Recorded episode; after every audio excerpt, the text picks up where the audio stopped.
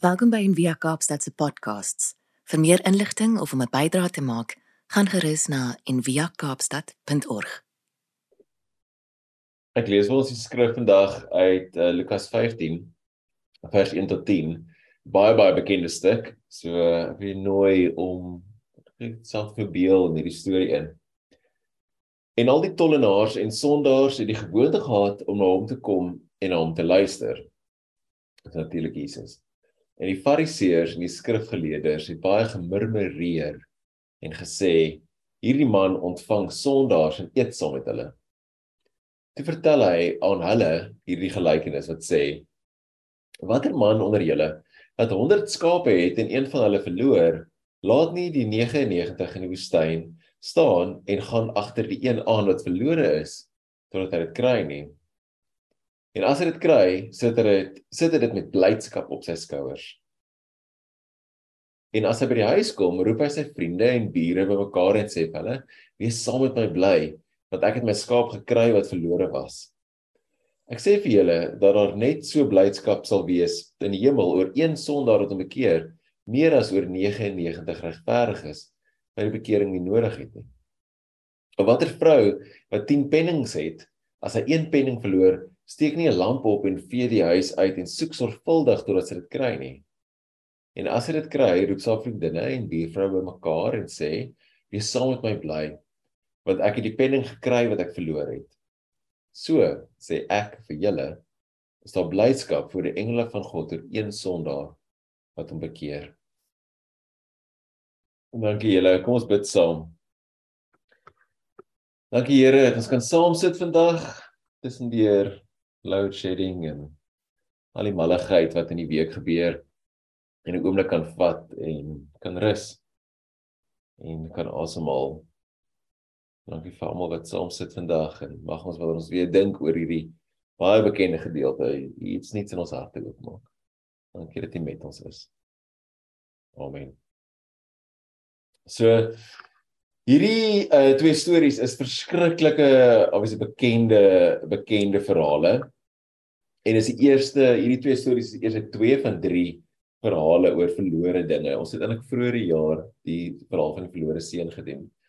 En uh, nou doen ons hierdie hierdie twee verhale, hierdie twee verhale. So altyd belangrik met sulke met sulke stories as jy die Bybel lees is om is om mooi op te let wie wie en wat is in die groep met wie praat Jesus wie sê wat en dan kom jy uit die boodskap van die teks en ek baie meer bietjie meer duideliker deur of kom jy agter dan lê eintlik meer in die verhaal as wat ons net gewoonlik dink. So die ehm um, hierdie in die teks het ons nou die tollenaars en die sondaars wat na Jesus luister en dan het jy die fariseërs en die skrifgeleerdes en ek glo hierdie vertaling die 53 vertaling want dit sê hulle murmureer murmureer. Is dit ek vir so mooi uh, wat sê onomatopee. Dit klink soms soos iemand wat mou murmureer. En ehm um, ek dink murmureer is as jy net kyk as jy nou as jy wil mense hoor murmureer, dan is dit gaan staan net in 'n ry by 'n staatsdepartement, hè. Nee? Dis nie of in 'n bank. Dis nie soos 2 minute en dan begin iemand iets sê. Ja, nee.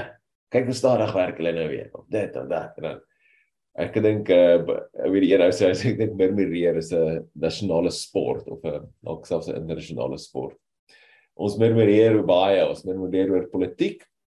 Uh dit sê die een wat jy van hou nou in in weet as hulle nog gewen het, dan murmureer ons maar net oor die ander wat nou nie gewen het nie. Wat nog alle moeilikheid maak. So murmureer ons murmureer.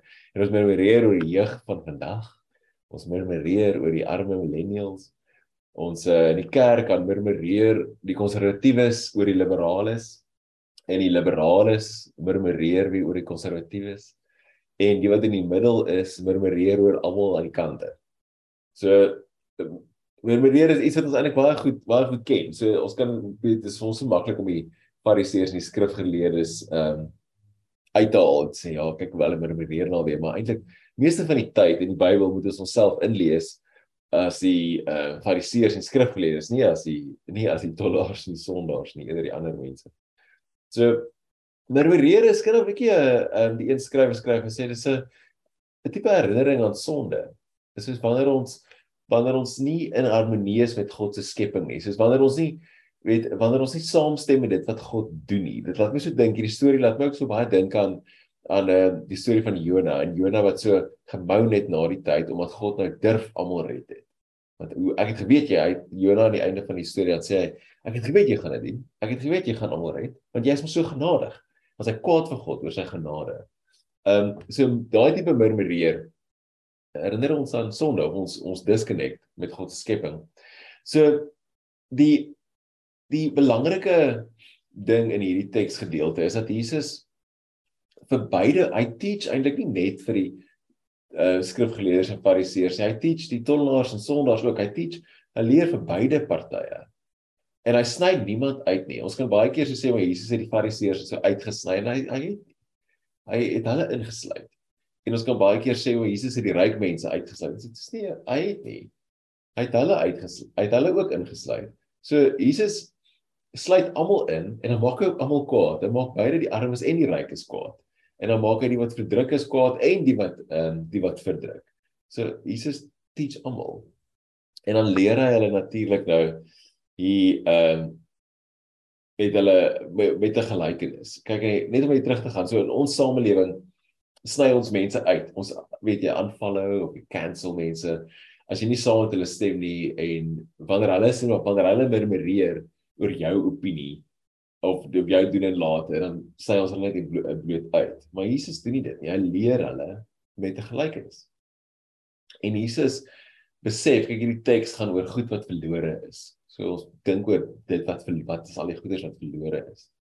En Jesus besef dat die fariseërs en die skrifgeleerdes self ook verlore is.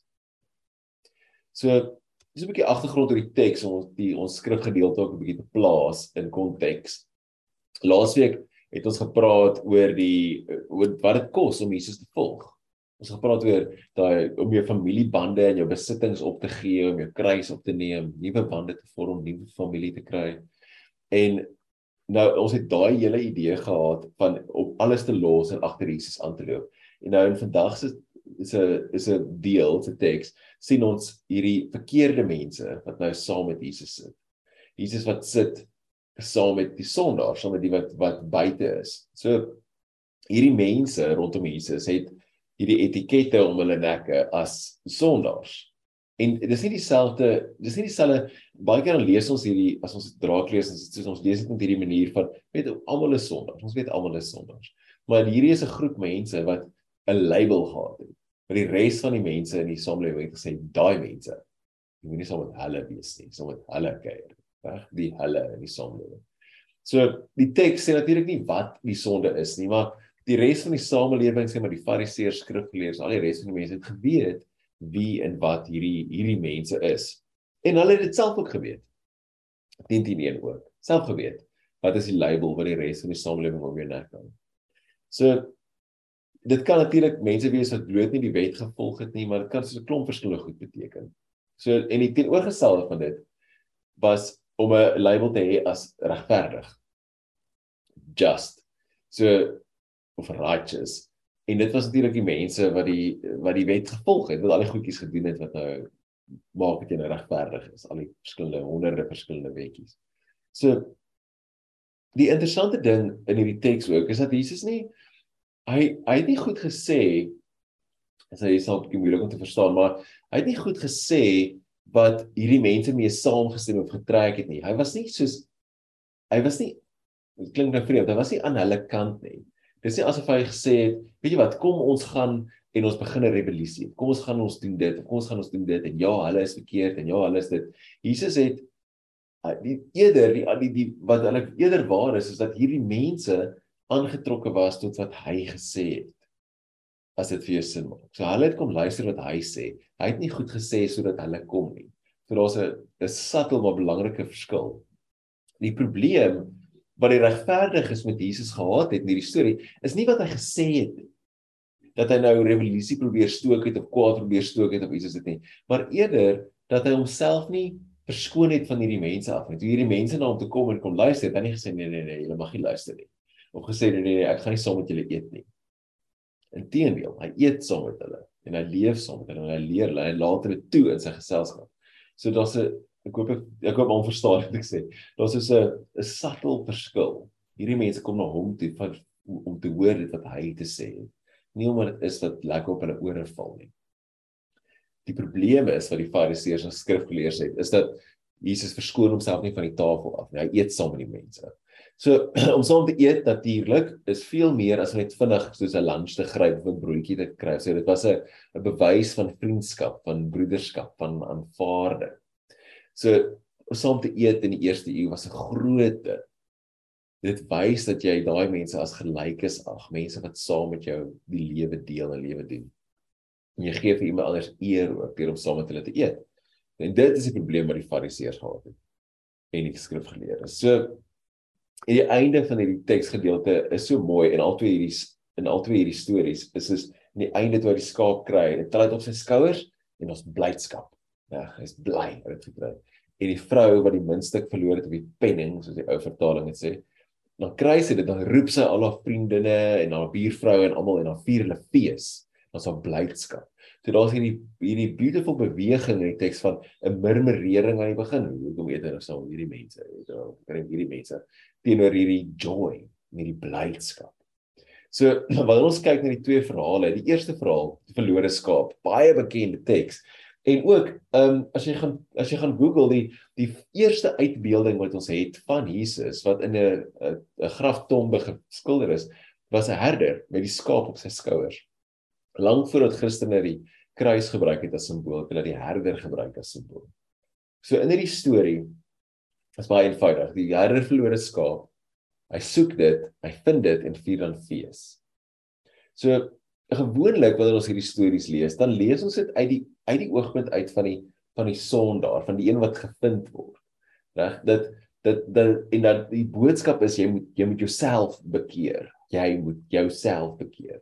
Maar as jy die storie mooi lees, dan kom jy agter die skaap doen eintlik niks. Nee, hy raak net weg en dis die herder wat hom verloor het en die herder wat dan gaan soek. So God in hierdie storie is aktief besig om te soek. Nie en ook nie te straf nie. Hy raas nie met die skape weg is nie. Want dit is 'n skaap, nê? Nee? En almal wat al die Karoo was, weet skape is maar eintlik maar dom. Die skaap is weg en God gaan soek die skaap. En dan God en die hemele vier fees wanneer hy ingryp. Wanneer dit waar hy skaap terugkom. So blydskap blydskap is die regte antwoord hier op God se redding, nie murmureer nie. Kan nie murmureer oor die wat ingesluit word nie. En ek dink baie keer in die kerk as ons kyk in die gesprekke wat in die breë kerk in die gang is in Suid-Afrika ook kan is daar 'n bietjie gemurmurering oor jy moet nie hierdie mense insluit nie. Hierdie mense kan ons nie deel wees van die van die ding nie.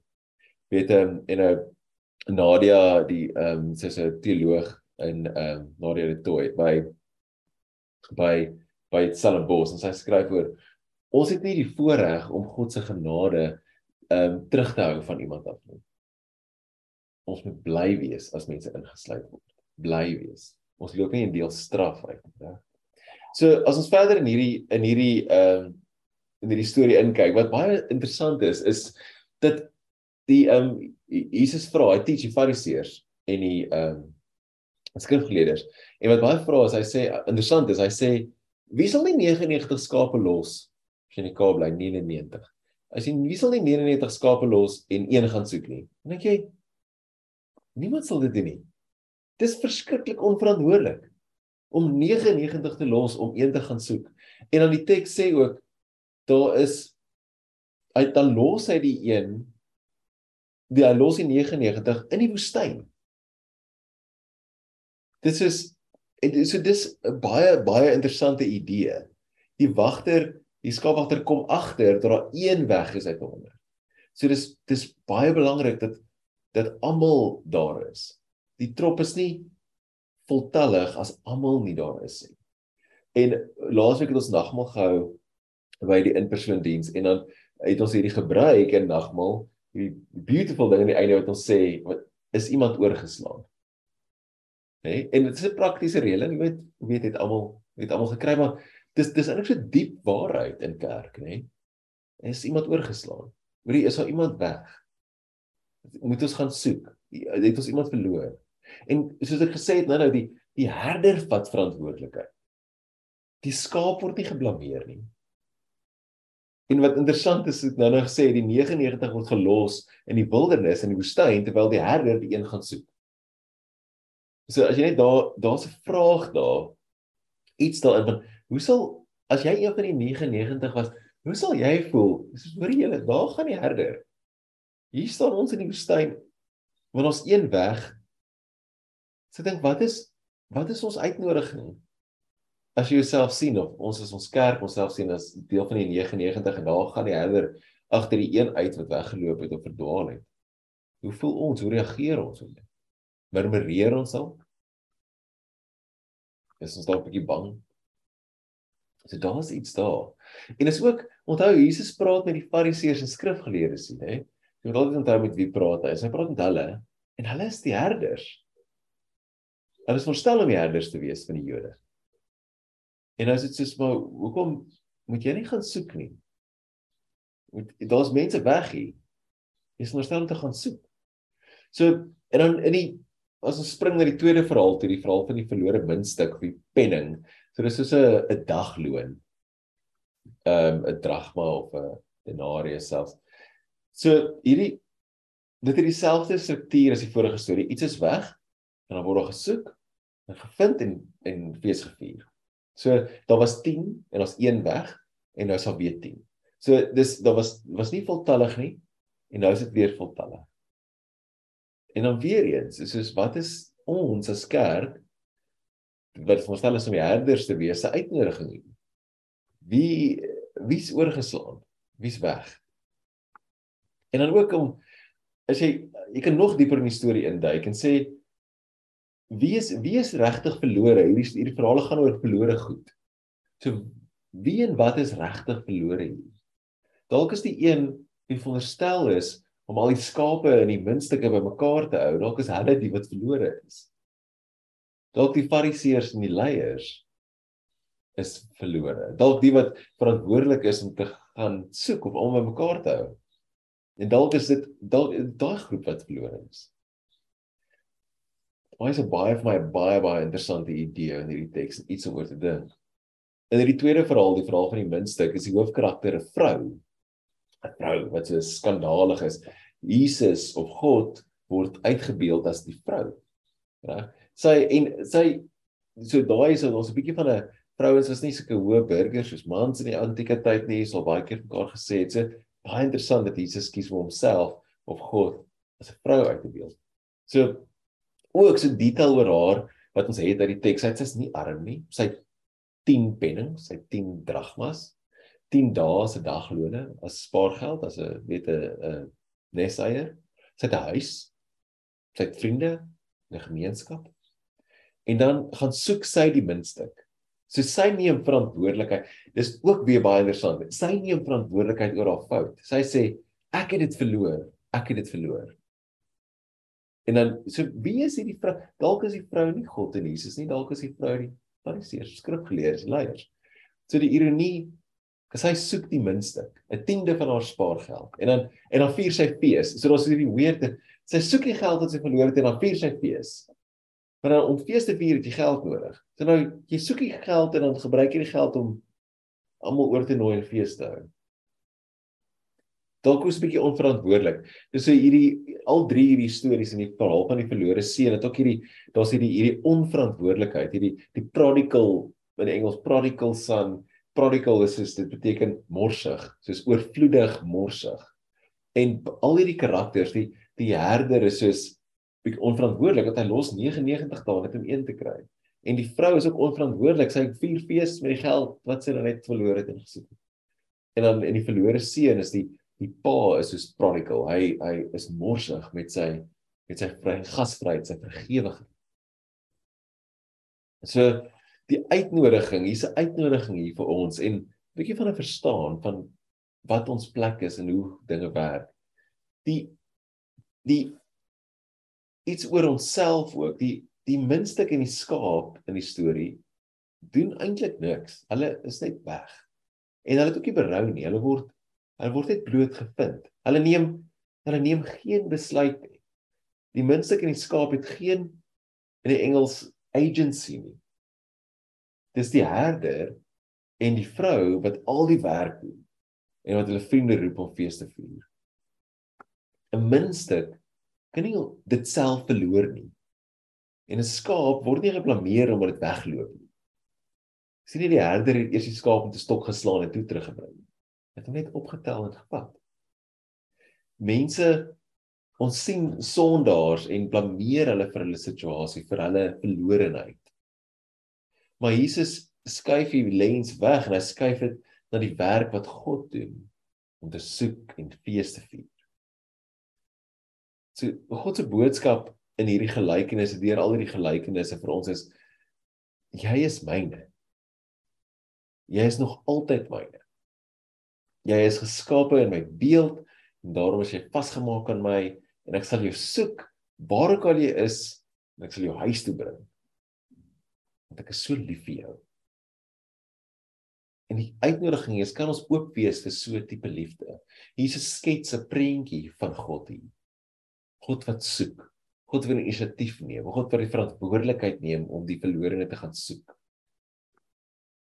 Kan ons kan ons vir oomblik almal net ons eie defenses laat sak en ons eie selfhaat en selftwyfel net vir oomblik laat gaan en hoor en oop wees en net hierdie liefde van God ontvang.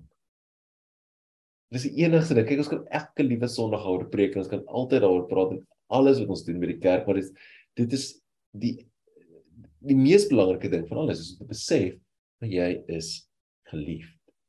Jy is geliefd. Daar's iemand wat jou gaan soek as jy wegraak. En dan aan die ander kant, miskien is hierdie storie nie oor net die wat verlore is nie, maar die wat veronderstel is om te soek en ander te vind. So hierdie stories is oor gaan oor sonde en bekering en regverdigheid en sondaar en murmureer en blydskap En wie is die een wat gevind moet word? Wie is eintlik verlore? Die in die storie is die sondaars en tollenaars het Jesus klaar gevind. Hy alles by hom. Maar dalk is dit die regverdiges wat gevind moet word. Dalk is dit in ons samelewing as ons dink aan wie is die wat verlore is. Dalk is dit die ouers wat hulle kinders inskryf vir al hierdie aktiwiteite wanneer hulle 2 jaar oud is en hulle druk om te presteer. Dalk is hulle die wat verlore is. Dalk dalk persoon wat se dalk die persoon wat se loopbaan en die leer wat hulle probeer klim die mees belangrike ding is. Dalk is hulle verlore. Dalk is dit mense wat werke doen wat hulle haat. Dalk is hulle verlore. Dalk is die mense wat nie meer betekenis meaning in hulle lewe oor het nie. Dalk is hulle die wat verlore is dalk die wat hulle opinies en wat so murmureer op sosiale media en alles wat reg verkeerd is in die wêreld. Dalk is hulle verlore. Dalk is die wat ander aanval. Of die wat aangeval word. Dalk is hulle verlore. Dalk is die wat die wêreld so mooi en wit en swart opdeel. My kind is Jesus in jou hart. Draai op draai. Dalk is hulle verlore dalk is hulle die wat gevind moet word. En dalk is hulle die wat die verantwoordelikheid optel om die te gaan soek wat weg is. So ek wil jou nooi hierdie week om te dink oor twee goeters. Besef jy dat God jou soek? Dat hy so lief is vir jou dat hy nie anders kan as om 99 te los en jou te gaan soek. En aan die ander kant wie wie is missing? Wie in ons gemeenskap, wie is nie hier nie? Wie is die wat ons moet gaan soek? Ek wil daai twee vrae weer los hierdie week. Daai twee idees. God soek jou en wie moet jy soek? Kom ons bid saam julle. Dankie Here Jesus dat U ons soek en dat U nie ophou tot U ons gekry het nie. Help ons om ook die te soek wat weg is. Wat verlore geraak het. Help ons om te skuif van murmureer na blydskap. Ons nie sal murmureer oor die wat ingesluit word nie. En ons sal bly wees vir u genade. Ons loof u naam. Amen. Jy kan jou hande net so vir 'n oomblik uithou en dan spreek ek vir ons se seën uit. Mag jy in die week wat kom regtig God se stem hoor, God wat elke liewe dag jou soek. En mag jou oë ook oopgaan vir die wat oorgeslaan is, vir die wat weg is. En mag ons hulle ook terugbring. Mag ons hulle gaan soek en God se liefde vir hulle uitdeel. In die naam van die Vader, die Seun en die Gees. Gaan in vrede. Amen. Dankie dat jy saam geluister het vandag. Besoek gerus en via kaapstad.org vir meer inligting.